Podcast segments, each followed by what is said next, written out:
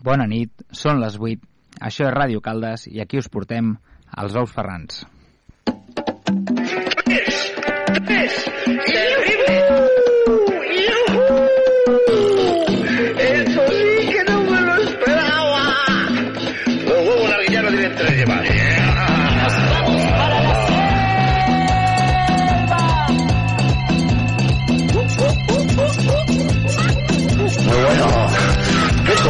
Contento, qué reacción.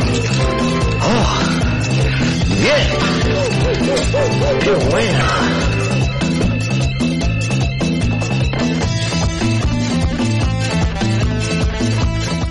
Hola, Martínez. Bona nit, Albert Ferrer. Bona nit, Monter. Què tal, Albert Hola, nens i audiència. Vamos. Una altra vegada per aquí, Albert. Aquí tornem, eh? Que li agafaràs el costillo al final. El sustituto. Què li passa al Badia que no ve avui? Ah, no sé, què li passa el dia que no bueno, vull? que el xaval va fer 30 anys el dia 6 Hòstia, els 30, eh? i ara està a Donosti fotent-se pinxos i clar, no pot... I aquí estem els pringats. Convida una ronda, Badia! Aquí estem els pringats fent el programa. Moltes felicitats, Badia. Eh, disfruta. Felicitacions. Bueno, doncs eh, programa número 8 dels Ous Ferrans. I quin és el menú del dia, Ferran?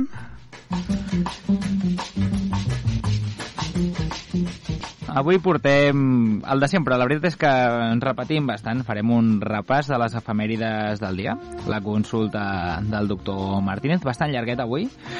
Els anuncis dels nostres patrocinadors, ja veureu avui, la, una petita píldora de cultura que ens portarà l'Albert i, per no, últim i per no menys important, la vostra secció amb, amb preguntes. Doncs vinga, va, espavilem i fotem-li gasto.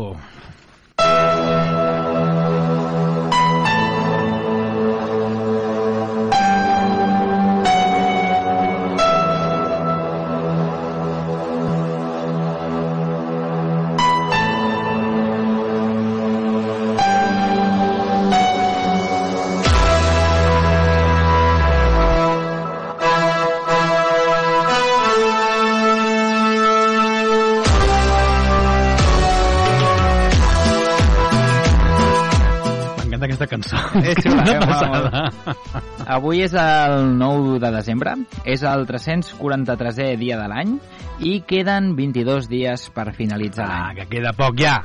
Queda poc pel cap d'any. És una llàstima que avui sigui el dia 9 i no el dia 8, Vaja. eh? perquè podríem parlar de l'aniversari de l'assassinat de John Lennon Ai. o podríem parlar del partit d'ahir del Barça. Va, ui, quin partit, eh? Què et va semblar, Albert? Uf, un partit, jo crec que ens ho esperàvem tots, eh?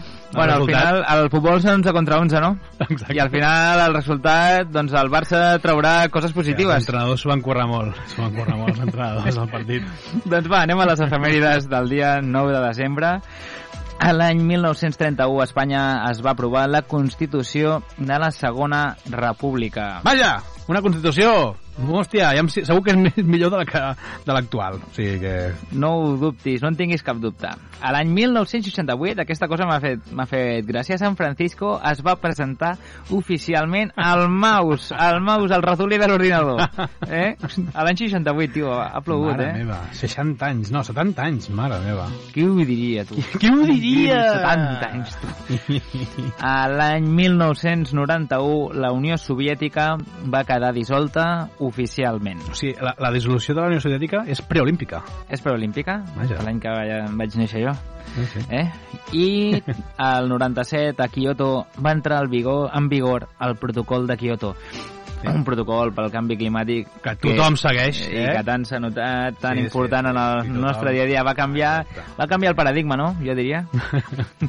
no han passat, no m'han passat coses gaire més importants i la veritat és que els, dels aniversaris tampoc n'hi ha cap que em faci especial il·lusió, així que els passarem ràpid.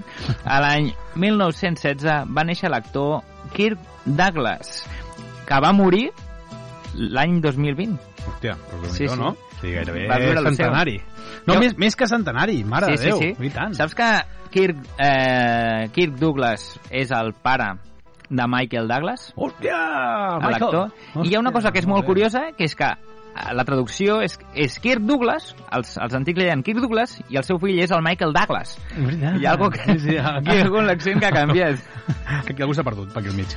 A l'any 1926 va néixer el torero Luis Miguel Dominguín. A que no saps de qui és per aquest? Ni idea, jo el tema de tauromàquia no... Del Miguel Bosé, tio.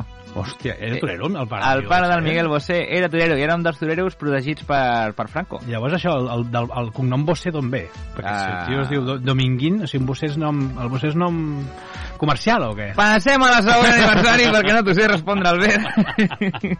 Allà, a l'any 1977 va néixer Anna Bastor, la periodista. Aquesta és la que fot canya, no? Sí, a mi la veritat és que em deixa bastant indiferent, així que passem a les efemèrides que no hi ha res i anem a una extensa consulta del doctor Martínez. Dale!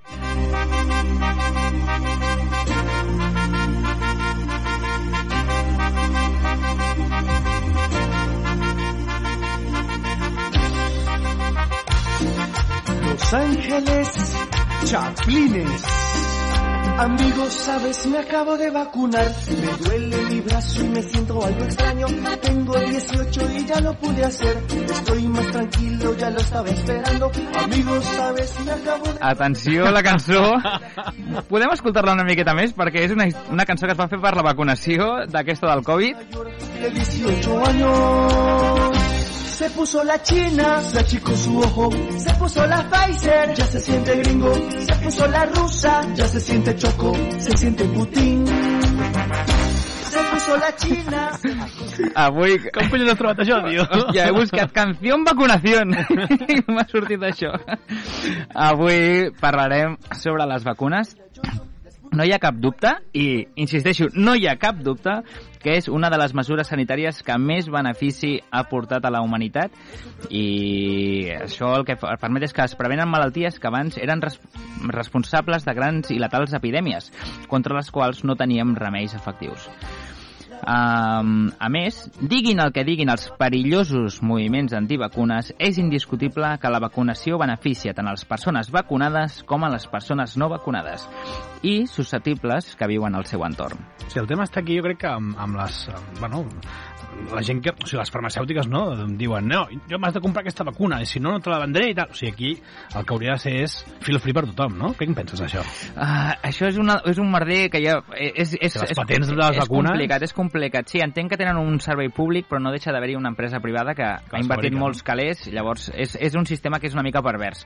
Però això no, de, no deixen de banda que són molt importants.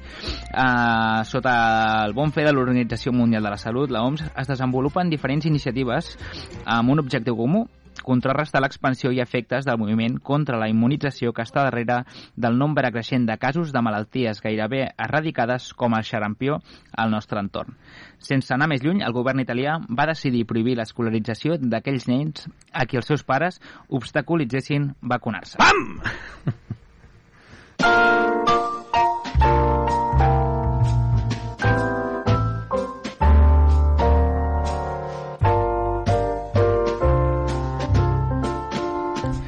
Avui mirarem enrere i a la consulta del doctor Martínez eh, veurem a qui devem el descobriment i l'aplicació de la immunització en humans. Com és que la nostra espècie sobreviu i es perpetua en un entorn tan beligerant, ple de patògens i, i, i que estan en el nostre planeta? Com, com ho fem? Gràcies a qui? Gràcies a qui? Qui va ser? Eh, jo sé. Qui va ser el que va pensar? El, el, el, bueno, pues allà a Londres, no? També un, un, un, un tal James, no? Pot no, ser? No corris, no corris. A la National Portrait Gallery de Londres s'exposa un retrat a l'oli d'un metge rural pintat al 1803 per un pintor i historiador de l'art anglès anomenat James Northcote. El personatge que apareix en aquest quadre, amb un lleuger aire complaent, aparegut al seu despatx, just en el moment de fer un recés a la seva tasca intel·lectual, es tracta ni més ni menys que Edward Jenner Hòstia. reconegut com a pare de la immunologia, disciplina dins de la biologia, que s'ocupa de l'estudi eh, de tots els mecanismes fisiològics de defensa de la integritat biològica de l'organisme. Caram. Es podria dir que Jenner és l'home que, amb la seva feina, ha salvat més vides de la història de la humanitat. No en va ser el creador d'un mètode revolucionari per prevenir la, la varola, ¿vale? ell, ell el que va, va fer un mètode per prevenir la varola. S'estima que només en el segle XX 300 milions de persones van morir a causa de la varola. Hòstia, aquest tio llavors és, és important, no? Molt Aquest important. Paio, gràcies a ell, doncs molta penya està aquí... Moltes generacions han viscut gràcies a ell. Gràcies a ell, efectivament.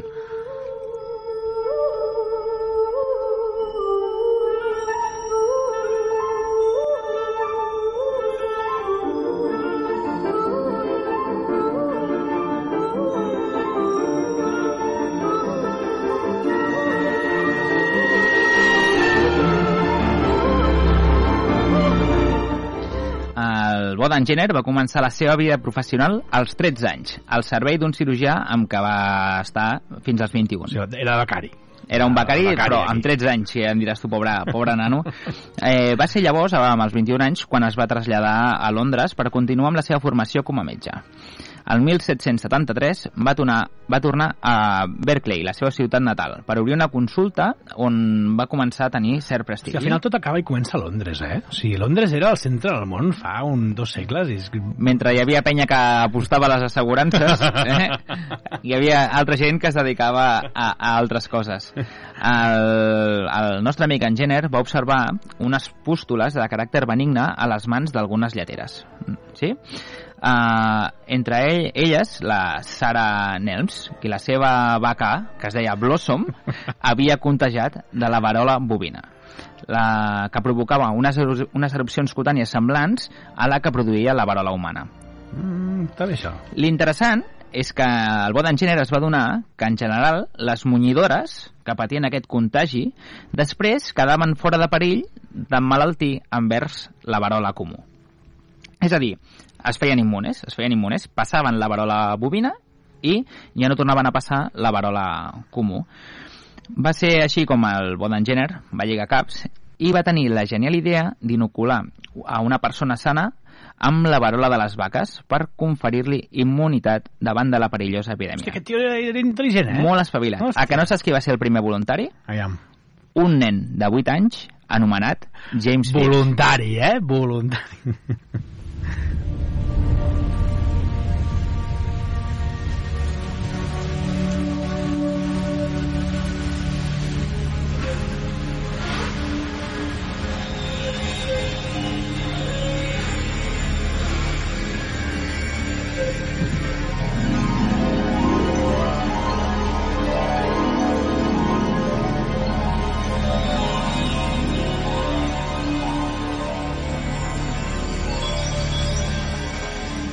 Que llegiré són el que va escriure en Jenner en el se, a les seves notes, a les seves memòries. Va escriure això. Per observar millor com evolucionava la infecció, vaig inocular la varola vacuna en un nen sa de 8 anys. La vacuna procedia d'una pústula del braç d'una munyidora, a què havia encomanat la seva vaca. El 14 de maig de 1796 la vaig injectar al nen a través de dos talls superficials al braç, cadascun dels quals tenia l'amplada d'un polze. Aquí hauríem de saber quants nens anteriors a, a, a, al nen aquest, el James, no? Eh... Ell va ser el primer, va ser el primer. Va ser el primer, eh? No hi havia ningú abans, t'ho juro. A més, era el fill del seu, del seu jardiner. Hòstia. Uh, el que va veure és que uh, el setè dia el nen es va començar a queixar de pesadesa a l'espatlla. El novè va perdre la gana. Va tenir una mica de fred i un lleuger mal de cap. Durant tot el dia es va trobar malalt i va passar la nit inquiet, però l'endemà es va tornar a trobar bé. Hòstia. La zona de talls evolucionava cap a la fase de supuració, oferint exactament el mateix aspecte que adquireix la matèria virulosa. Per assegurar-me que el nen, lleument infectat per la varola vacuna, havia quedat realment immunitzat contra la varola humana, l'1 de juliol li vaig injectar material de la varola que havia extret abans d'una pústula humana. Li vaig aplicar profusament mitjançant diversos talls i pintures i puntures, però no va donar lloc a cap atac de varola. Hòstia. No està mal, eh?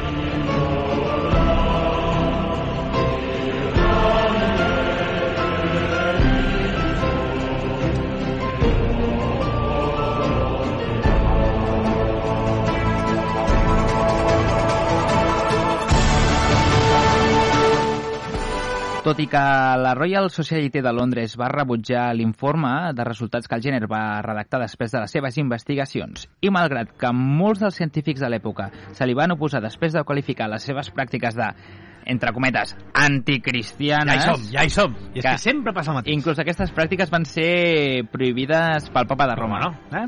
De totes maneres, els seus esforços per al desenvolupament de la vacuna de la varola han passat a la història i han evitat un nombre inimaginable de morts des de llavors.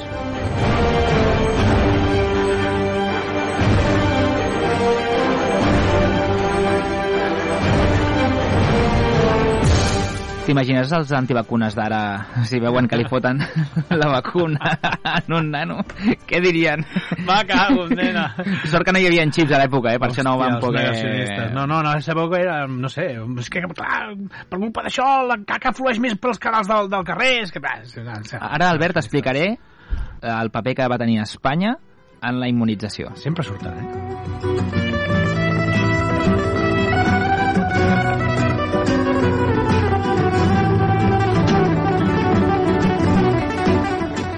Uns pocs anys després de les observacions d'en Jenner, es va realitzar el que es podria anomenar-se com a la primera expedició de vacunació. La Reial Expedició Filantròpica de la Vacuna, per ser exactes. El rei Carles IV d'Espanya la va encomanar al metge militar espanyol i, i cirurgià honorari reial Francesc Xavier de Balmis, Aquest, d'Alacant. Aquest paio ja era anteprecessor dels actuals Borbons o què? Ah, sí, sí, sí, sí, diria que sí. Ah. Sí, sí, sí, segur, per l'edat segur. L'encàrrec era clar, portar la vacunació contra la varola a les colònies espanyoles al Nou Món. Les condicions del segle XIX eren precàries i fent ús del seu enginy, Balmis va convertir en uns nens en recipient vius de la vacuna.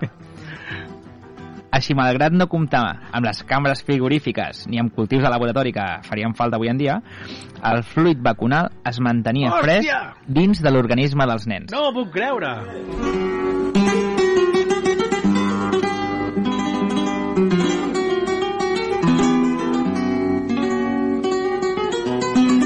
T'havies Realment és molt interessant, eh? t'havies esgarrifat que li fotessin en un nen? Doncs no, vinga. Doncs ara, per colonitzar, Amè- eh, per, per vacunar Amèrica, foten el virus en els nens. I com ho van fer? Al bord del vaixell Maria Pita hi viatjaven 37 persones. Entre elles hi havia 22 nens orfes, d'entre 3 i 9 anys. Eren vacunes humanes que havien de transportar eren eh, com el, el com ells feien com de frigorífic, d'acord? Per portar la vacuna a Amèrica. Déu-n'hi-do. Com ho feien això? Uh, van portar un dels nens amb, amb la vacuna que li havien ficat al braç, els nens es començava, el nen es començava a trobar malament i uh, passaven uh, la infecció a un altre nen. I així anaven portant la vacuna fins que van arribar a Sí, Amèrica. era un gran hermano dintre del barco, no? Llavors hi havia allà controlant què, què passava, no? Per controlar els nens hi havia una, una infermera de nom Isabel Zendal que era l'encarregada de cuidar-los i mantenir-los sants i vius. Isabel Zendal. Ara, una pena que li hagi quedat el nom d'un hospital una mica fraudulent.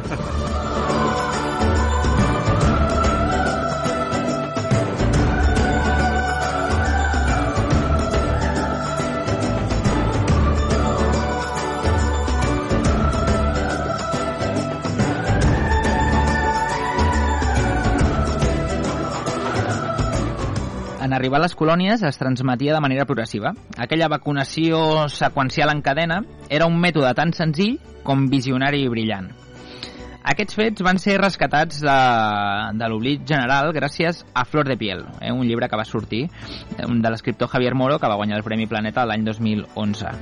I aquesta llegendària expedició del metge Balmis, que constitueix, sens dubte, una de les epopeies sanitàries més grans de la història, va ser també objectiu d'una adaptació per la televisió de televisió espanyola dirigida per Miguel Bardem i que es va titular 22, Ángel, 22 Ángeles. Què? Al final, tot acaba que la gent acaba guanyant pasta gràcies als fets que han passat en el passat. Jo això també ho trobo... Perquè aquesta història em sembla Ah. sublim com perquè quedin a La, l'oblit. la veritat és que és totalment interessant. Com-. Desconeixia que havia anat tot d'aquesta manera. Jo pensava Com s'ho van, com s'ho van empescar. Anys després, el més conegut eh, microbiòleg i químic francès, el Louis Pasteur, va ser qui va produir la primera vacuna desenvolupada ja en un Això és el laboratori que em sonava. Ah, això és el que em sonava. en un laboratori com a tal, i va ser la vacuna contra el còlera aviar. I un altre metge espanyol, Jaime Ferran, va saltar a la fama després de crear la vacuna contra el còlera. Així que aquest és l'origen de les vacunes, eh, Déu-n'hi-do. d'això de fer l'imbècil, de... Vacuneu-vos ja, collons, hòstia! si, si, aquest, si aquest, aquest xaval de 8 anys va ser prou valent i va contribuir a, a tot això. La pregunta és, els nens sabien el que portaven a sobre? Uh, tinc els meus dubtes, no, no sé. Seria curiós de, de veure-ho. Doncs fins aquí la secció. Molt bé, molt bé. Si no, mira, si no us voleu vacunar per vosaltres, feu per entrar als restaurants, collons, ja, ja va tocant. Una mica... Anem als anuncis.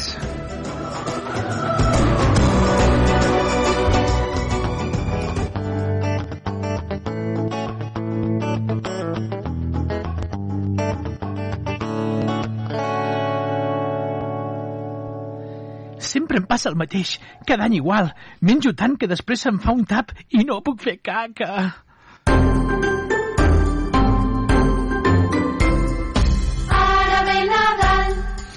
No patiu, que els ous ferrans tenim la solució.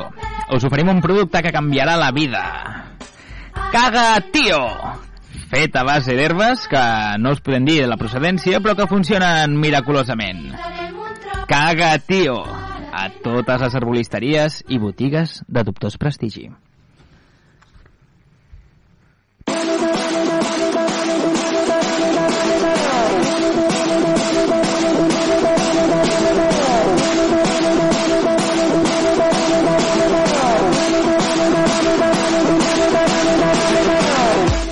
Albert, t'agradaria unir les teves dues grans passions en una sola? I tant, però com? Doncs per fi podràs unir la teva passió pels arbres de Nadal i la ludopatia. Eh, però què dius? Això és mentida, home. Podràs unir les teves dues grans passions a... a Bet and Win!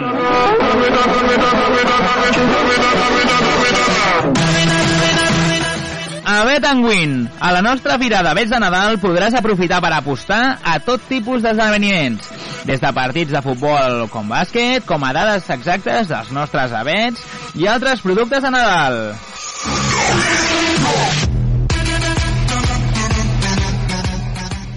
A Bet Win, la casa d'apostes d'aquest Nadal.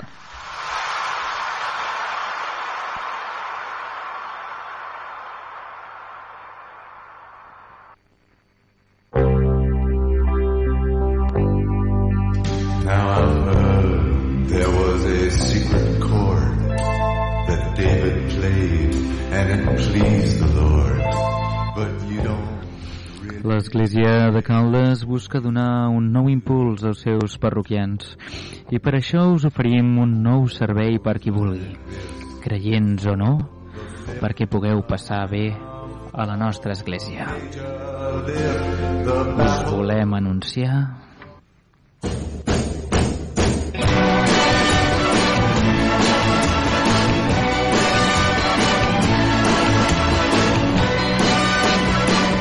Hoy para mí es un día especial.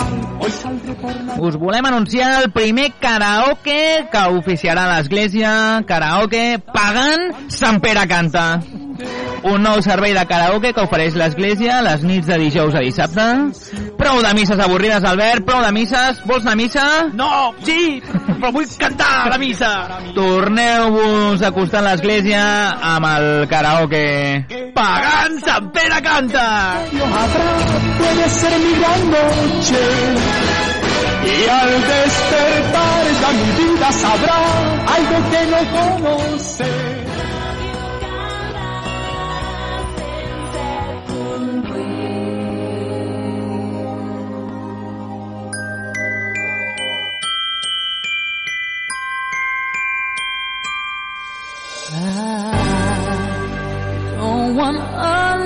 For Christmas.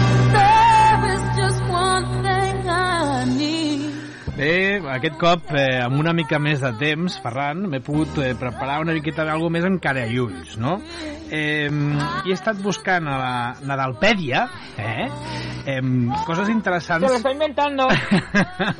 coses interessants sobre el Nadal. De fet, el que he fet és un recull de eh, tradicions inverosímils d'alguns països, ara que s'acosten les festes, no?, sobre el Nadal. Com celebren el Nadal en aquests països, no? M'encanta el Nadal. Soc molt fan del Nadal. Són, són moments bonics, I- no?, per passar en família, amics... Vull que m'expliquis tot el que has après. Pues mira, començarem per, per països mm, veïns, eh, per exemple, com, com Portugal, no? A Portugal, aquests van una mica despistats i els tios pues, celebren la, les fogueres a, a, la, a la nit de Nadal.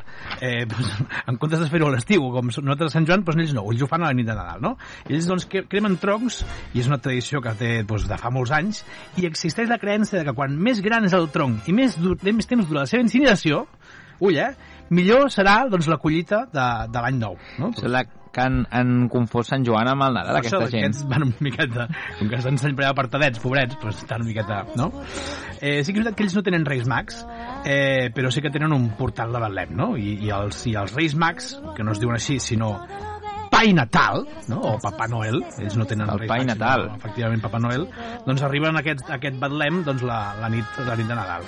I els nens doncs, deixen, efectivament, eh, menjar al costat d'aquest pessebre doncs, perquè, efectivament, doncs, el Pai Natal els hi porti els regals. Un palet diferent, no? La... Oh, Pai Natal! el Pai Natal! Oh, Pai Natal! I, i bueno, són molt creients allà, però efectivament ho fan de- ho fan d'aquesta manera. Uh -huh. Si anem a un altre país també veí, no? com, com és França, eh, encara que França és un país profundament laic, eh, allà el més important de les festes de Nadal Jalà, no? és la missa del gall. No em diguis. T'ho prometo. Ells els diuen més de minuit. Eh, de minuit. també els hi arriba el Papa Noel, es veu que, que arriba també en aquestes dates i també els dona regals als nens, no? Però eh, no arriba a la mitjanit, com aquí, no?, a Catalunya o, o, o a l'estat espanyol, sinó que arriba per la tarda, abans de, abans, de sopar. Abans de sopar. Vaja, eh? I, bueno, doncs mira, és, és curiós, no?, en aquest sentit. No hi ha qui entengui els francesos en res del que fan. Són, són especialets, eh, pobrets. Eh, un altre país veí, per exemple, eh, a Itàlia. A, Itàlia el, el, el, no tampoc tenen Reis Mags, no? Es veu que també ve el Papa Noel. Però com es diu el Papa Noel? Es diu Babbo Natale. Bona Il tarda. Babbo Natale eh, lleva, pues, porta los regalos a los bambinos el 24 de diciembre. Eh? Ah. Pues, efectivament, també com a, com a molts altres països, doncs és el 24 de desembre on aquest Babbo Natale porta també els regals de, de tots els nens. Eh, sí que existeix eh, una altra figura, que és la, la bèfara, eh, que és la que reparteix el carbó als nens que s'han portat malament durant, durant l'any eh, i que va pels carrers amb sacs i amb, i amb carbó. Eh, a veure, què et sembla? De moment, aquests tres països, països La veïns. No, em, em sembla bé que, que hi ha com el bé i el mal, no? Um, ho han fet millor que nosaltres, perquè ells tenen un que reparteix els regals bons, l'altre els dolents, i no nosaltres, que tenim els tres reis, i vaja, i el que porta el car... El que porta carbó no Ja, ja sabem qui és, oi? Pobre nano que li ha tocat llapar. Una mica rasistetes, No, és eh? que de moment, fins aquí, podem dir que la, com, la, la manera de que celebren els Nadals d'aquests aquests països és, és una miqueta semblant a la que estem acostumats, no? Sí. Santa Claus llegó a la ciudad. I si passem a altres tipus de, de creences religioses, no? com per exemple a, als ortodoxos, com és el cas de Rússia, doncs aquí efectivament també doncs, celebra el Nadal, però de forma ortodoxa. Eh, ells ho fan un palet més tard, no? el, el 6 i el 7 de gener, eh, i, i efectivament es- el, el 1 de gener també doncs, tenen la, la, la tradicional, tradicional festivitat. Però sí que és veritat que ells celebren, fixa't tu, l'any nou, el dia 12 i 13 de gener. Aquests també estan una miqueta destirotats, eh? com els portuguesos, eh? I, I no, per què? Bueno, perquè ho marca el calendari julià. Ah. Juliano, el, el calendari juliano, saps? El A la, calendari a juliano. la Juliana. Sí, ho fan el 12 i el... Però, però aquests tios, bueno, Bueno, portuguesos, de moment portuguesos i russos estan una miqueta allà, eh? a- pitjor els russos, eh, tio? Sí que és veritat que el Santa Claus, no? o Papa Noel, o Babà, o el que sigui, sí que és el centre de les seves festes, i eh, efectivament també hi ha un, un, un personatge que li diuen el Det Morós, val? que és la, traducció al català seria avi fred, no? que és eh, protagonista i, i efectivament és el qui porta els regals a, a, a casa dels nens, no? amb tot el que escrit les cartetes, doncs no és el, el propi Papa Noel, sinó el Death Morós. L'avi Fred. L'avi Fred. Fred. Llavors els regals no sé com arriben, però Death sí. Jo crec que deuen arribar congelats, però ja des del... El regalis és quan el regalis allà a Rússia. Dead Morals. I aquest Dead Morós ve acompanyat de la seva neta, la noia... Va, llegeix això. Snegurchoka, Snegurchoka, Snegurotchka. Snegurotchka. Snegurotchka. I, i, I no sé si... Bueno, suposo que és l'avi, però els dos porten una llarga barba blanca, una, un abric mm, doncs, de color vermell i un bastó doncs, per, Això- aquell, és per el- congelar a tots aquells que vulguin arruïnar les festes dels altres. És una barreja entre Pare Noel i la Elsa de Frozen, no? Una mica, perquè la barra aquesta de congelar està tot inventat, eh? Mare meva, Són els mateixos personatges que van donant voltes entre Disney, Crec Nadal, que Nadal i Disney. Game of Thrones va agafar, va agafar idees d'aquí. Sí, no? El, el, el, el rei de los muertos, el, el Dev Morad, a la bola frío.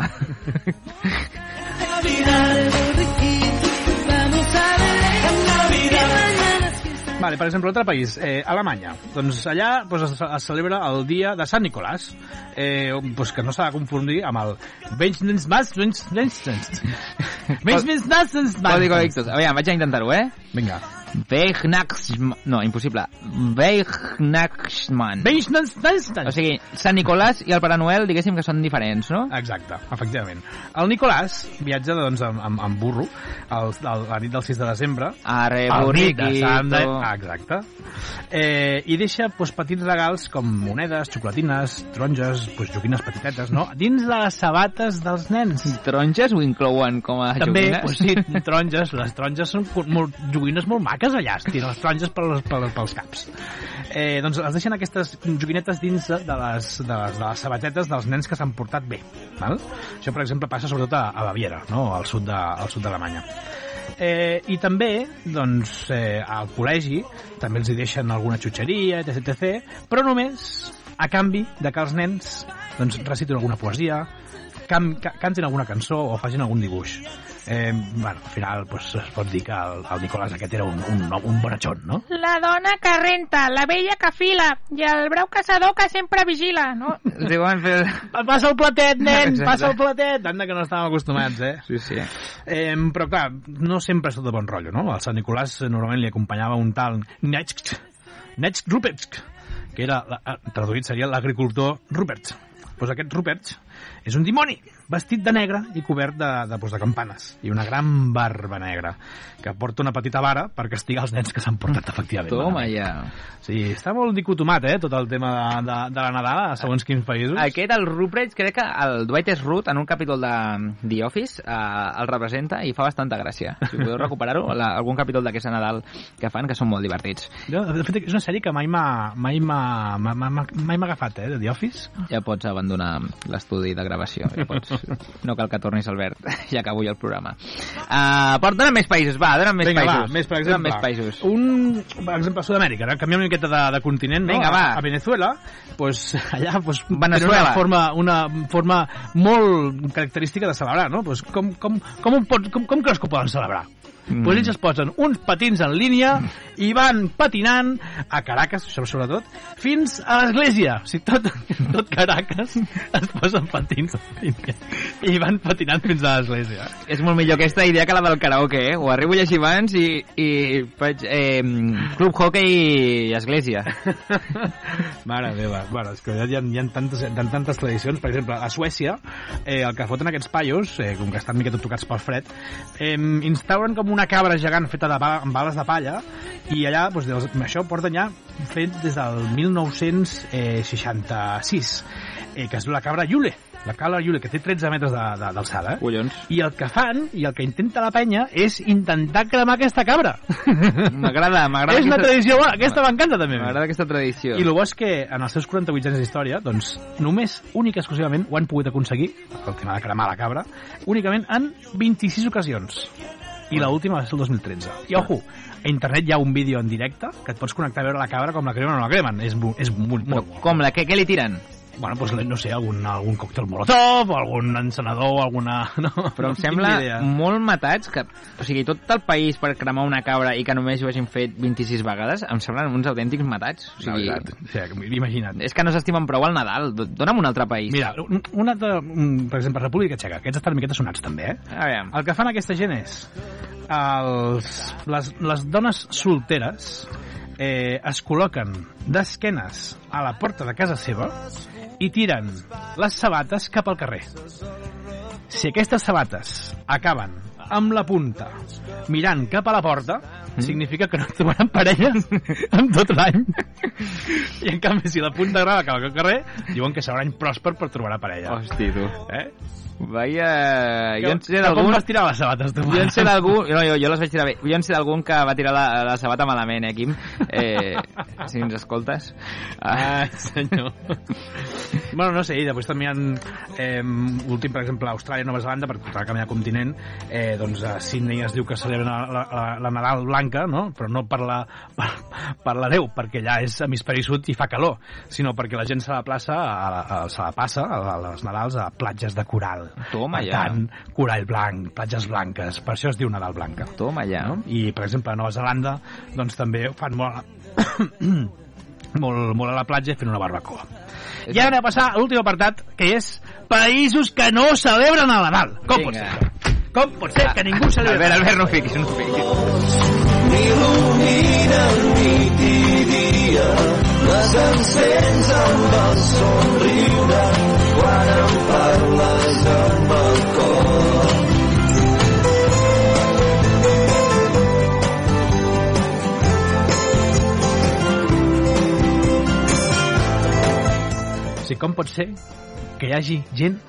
i països sencers que no celebren el Nadal. Ferran, com pot ser això? El Grinch, el Grinch, el Grinch de... No sé, m'imagino dictadures, m'imagino... pues lo típic, no? O sigui, efectivament, els països eh, com, per exemple, Argèlia, Iran, no? doncs no es celebra el Nadal perquè, bàsicament, Bueno, perquè no són de creences Clar, islàmiques. això, no? això mira, t'ho compro. Celebraran bueno, el naixement del... No sé, no, no m'ho vull ficar en merders. No, No, millor no. No digues, digues, digues. Però, per exemple, un d'aquests països islàmics, no? com Taikistan, Sí? Estan prohibits els arbres de Nadal, l'intercanvi de regals i les disfresses de Papà Noel. O sigui, explícitament en el seu codi civil del que sigui, estan prohibits aquestes Bueno, pues s'ha de ser, s'ha de ser serio. Vull dir, aquí al final acabarem celebrant tot nosaltres, al final. Eh, que si el Halloween, que si la Constitució... Totalment, vull dir que... totalment. Ens estem, a, Celebrem- ens estem anglicanitzant d'una manera molt... el dia de la hispanitat, celebrem coses que no, que no ens toquen i al final per fer el pont ho fem. Però Pues, t'estàs fixant que aquí a, a Catalunya, no? Tenim tot. Venen els Reis, ve el Papa Noel, ve el tio, ve... Bueno, tenim tantes coses. home, i... pues és normal, perquè si tu haguessis de ser aquests personatges, no te n'aniries... A, tu, a l'hivern vindries aquí, no te n'aniries a, a Suècia, a Finlàndia, qui vol anar I allà? en canvi els pobles de Taikistan aquí... Pues, Qui no vol anar al, Taik, a, a, a Tajikistan i d'anar a Argèlia a l'hivern? Normal que no hi vagin, vinguin també. cap aquí, home, clar, un terciari, que ens fa falta. Aquests són els únics que no ho celebren o n'hi ha no, més? hi ha més països. Per exemple, a Brunei. A Brunei el que et diuen és tu pots celebrar, pots celebrar el Nadal, però no en públic. Queda't a casa eh, i no diguis a ningú més que celebres el Nadal. És molt curiós, això. Eh? Eh, com a mínim calla i no ho ensenyis, no? Tapa't una mica, fill meu. I vinga, va, el, un país per excel·lència, que tots estàveu pensant, Corea del Nord. Des del que el senyor Kim Jong-un no? doncs va censurar l'alcohol, el cant, o sigui, cantar, o sigui, les festes, festivitats i l'entreteniment de les persones el 2016, doncs, doncs, efectivament doncs ja, ja, ja no celebra. Home, és que s'ha carregat els pilars de lo que ve ser el Nadal. O sigui, el, senyor, el senyor Kim, no? el senyor Kim amb K, no, eh, no el senyor Angli, el senyor Kim amb K el 2016 va dir, s'ha acabat. Tothom a casa seva, eh, enfadats, tristos, el que sigui, i sense Però saber una fixa't que no li, no li va ca- caldre suspendre el Nadal perquè va prohibir l'alcohol, el cant i que s'entretinguin, no? Doncs llavors, pues ja està. O sigui, no... Totalment. no pro- prohibeixes... Ha anat a la línia de flotació. Per exemple, un altre país que tampoc celebra el Nadal, doncs, per exemple, Somàlia, allà amb els pirates somalis, no? allà el, tocant el, el golf, eh, a l'oceà Índic. Sí. Eh, el govern va dir, ¿pa qué? ¿Pa qué la Navidad si esto no tiene nada que ver con el Islam? Pues, pues efectivament, aquí segueixen les seves, les seves doctrines. I el país que s'endú la palma, sense anar més lluny, és Aràbia Saudita. No m'ho puc creure.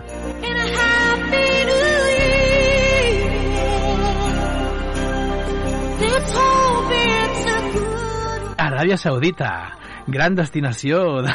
Mira que, de moment, a mi em sorprèn perquè m'has dit països molt alegres que són els que no celebren el Nadal.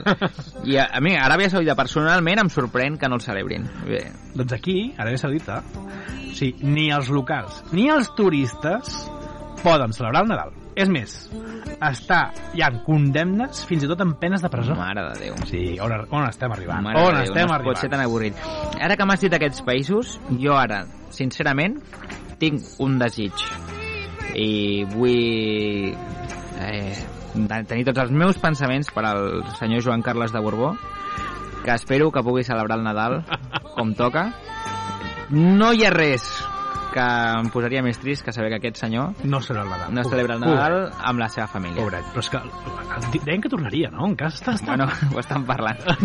Eh, sí, sí, ho estan parlant. Eh, bueno, Bueno, doncs fi- fins aquí una miqueta el recull de, de festivitats arreu del món. Molt bé, molt no, bé. No hem posat les, les típiques d'anglicanisme, angli, les de- dels Estats Units o, o de, de, del Regne Unit, perquè sabem com funcionen amb moltes llums i tal. No, volíem anar una miqueta a buscar, a la Nadalpèdia que hem trobat I, i algun altre any haurem de parlar de, en concret de Vigo, de Vigo com a ciutat nadalenca. La mejor nieve de todo el mundo! Eh, la Merry Christmas de John Lennon! Passem a les preguntes dels oients.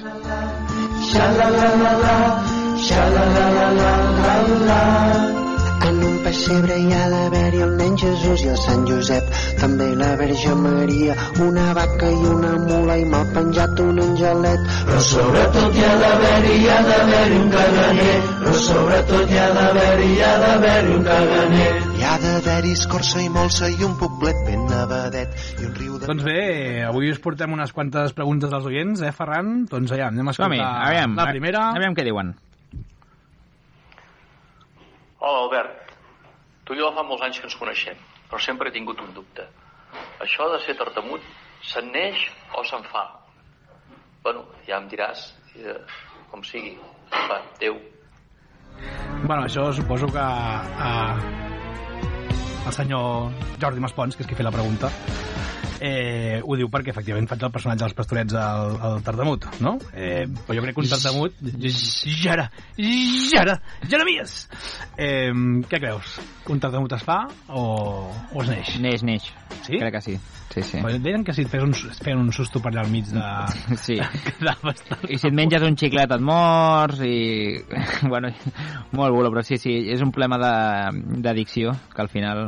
Hi ha, hi ha un dia, una pel·lícula molt bona que és El discurso del rei, que, que el tio bueno, pues mostra com ha de fer els discursos un, un rei que és tartamut, pobret. Mira, me l'apunto a veure. Que... Sí, sí, és xula, és xula, eh?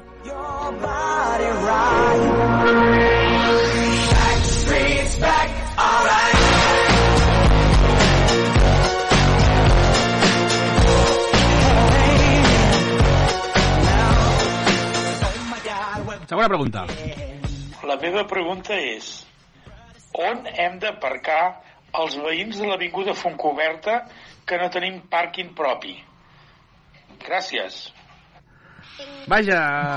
Aquestes són les preguntes que ens agraden. Preguntes que... La, el carrer Fontcoberta... L'Avinguda Fontcoberta és la que va des de la plaça eh, de la Bandereta, eh, de dalt de tot, Lluís Companys, efectivament, merci Monter, fins a l'Escola Pia, correcte? Sí. I hem de posar en situació que des de fa cosa de potser un parell de mesos hi ha hagut molta zona blava que s'ha instal·lat eh, durant tota aquesta, tot aquest carrer. I efectivament hi ha molta gent que no pot aparcar, eh, la gent que no té pàrquing doncs s'ha d'anar movent el cotxe cada dos per tres, no? A la Pinocho, no? Seria el... Sí, jo crec que sí, o si no, doncs mira, a la casa, el garatge de casa d'alcalde o el garatge del senyor, del senyor Mauri també, que deu tenir molt espai, vull dir, podem, podríem aparcar aquí, no? I podríem estar en lloc. Hi, hi ha una zona, vaig a buscar al carrer exactament perquè ho veieu, eh, a la zona de la... De la... Ara em sortirà, eh? De la guarderia La Lluna, pot ser? Hi ha una guarderia que és La Lluna? Sí. El Peixets, el Peixets. Em diuen, gràcies, Monter. Uh, hi ha una zona per aparcar que Ah, sí, és de color verd És o blau, no sé quin color té, que es diu Petó i Adeu. Quan ho vaig veure em va fascinar. O sigui, em, em va fascinar i vaig pensar, això és una zona de petting. és una zona de, de, de petting, de te m'agarra del cotxe, fas el que hagis de fer i adeu, no? Ho posa aquí, ho puc fer. Ho posa aquí. És gràcies a l'Ajuntament que ha autoritzat zones de petting obertes a tothom. Moltes Déu-n'hi-do. és que em va sobtar dir que això crec que som l'únic poble que té aquesta, aquesta cosa, no? I els carrers bicis per mig dels carrers normals i corrents. I, mo- hi ha més pobles? Monter, a quins altres pobles? Eh, ho has vist? O... A Sant Cugat també. Bueno, és que si tenim com a Sant Cugat com a referència, Home, pues ja està, està tot arreglat. som el París del Vallès, nosaltres. Passem a la següent pregunta.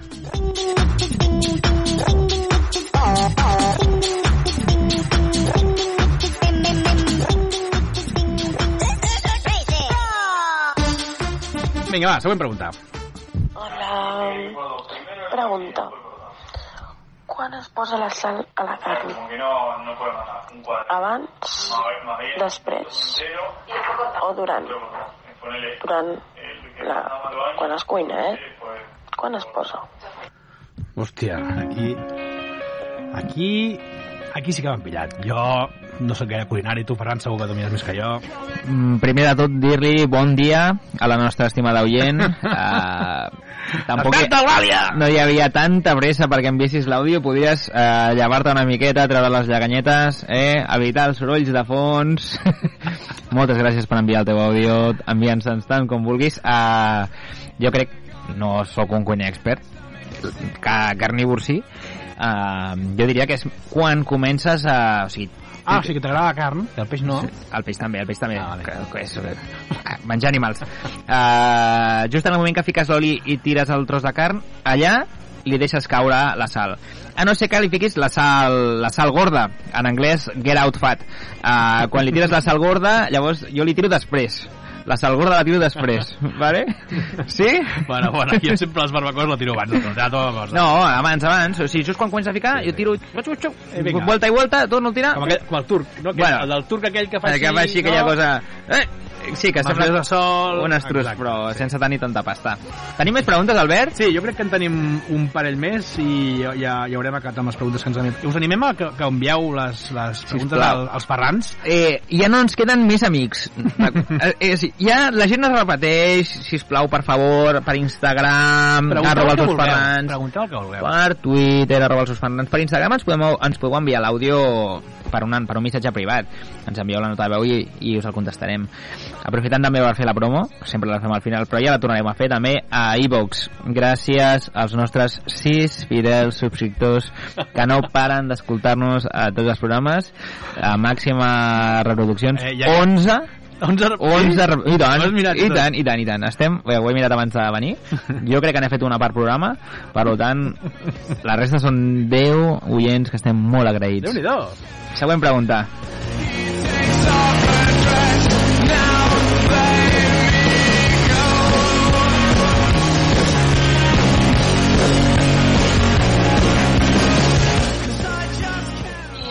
Per la salut del meu cul, què recomanes? Paper higiènic, com tota la vida s'ha fet, o toallites cando? Què, què recomaneu? Bueno, aquí s'ha- Digues, digues. aquí s'havia despertat ja una miqueta més, aquesta noia. És la mateixa? És la mateixa. Perfecte. Doncs aquesta cosa, això sí que tu pots prendre en sèrio. Jo em dedico a això. Vinga, vinga, ara. I... Doctor Ferran. Ara. Uh, L'ideal és el bidet. Res de paper higiènic, res de tovalloletes, el més ideal és bidet, aigua i sabó. I s'ha acabat. I s'ha acabat. Sobretot, si teniu, patiu d'hemorroides, el paper de bater absolutament prohibit i les tovalloletes encara pitjor. Sí? sí. És pitjor, són pitjors. Les tovalloletes no van bé, irriten, irriten per al sabó, no, no s'acaba de netejar bé, no, no van del tot bé. No, no, perquè neteja molt bé. La veritat és que neteja molt bé la Neteja molt bé, t'olora el cul com un bebè, però... Contaminen a saco, però Contaminen no... a saco. A més sí, fora, no? L'ideal és bidet o dutxa després de fer caca. Hòstia. Això és l'ideal. O dutxa, maca. Bueno, dutxa, clar, si no tens bidet, clar... Uh, Ay, hijo, ¿qué te estoy haciendo el baño hoy? ja t'estàs dutxant una altra vegada? Bueno, jo crec que ja tenim una última pregunta. Què? que Dóna és- temps, dóna temps. Sí, Sí? no? Dóna sí, sí, temps? sí. Vale. Jo crec que és la pregunta més llarga que ens han fet Ui. mai. Eh, és un col·lega, no?, el senyor Tura, que, que fa aquesta, aquesta gran pregunta. Què, la bateria? Aquesta és la gran pregunta que fa el senyor Tura. La tornem a repetir, per si no ho heu entès. Què, la bateria? Bueno, doncs la seva pregunta és què la bateria? 78%. 78% i aguanta bastant bé. Estic molt content amb aquest telèfon Uh, la veritat és que sí, ho consumeix molt poc. Si no estic tot el dia mirant Twitter, m'aguanta tot el dia sencer. Però no et preocupis, Tura, que quan vulguis anem a fer una jam i ei, anem a fer una miqueta també d'altra bateria musical eh, que aquest canal per aquí senyor parlant. Badum, badums, badums, eh, badums, eh, molt bé, molt Bueno, quan bé. vulguis una jam, guapo. Molt bé. Hay una bomba explosiva y cuando me acerco a ti hay una bomba explosiva. Tu boca tiene la sal, mi cuerpo es azúcar. Tu boca tiene la sal, mi cuerpo es azúcar y mi corazón está busca que te busca y mi corazón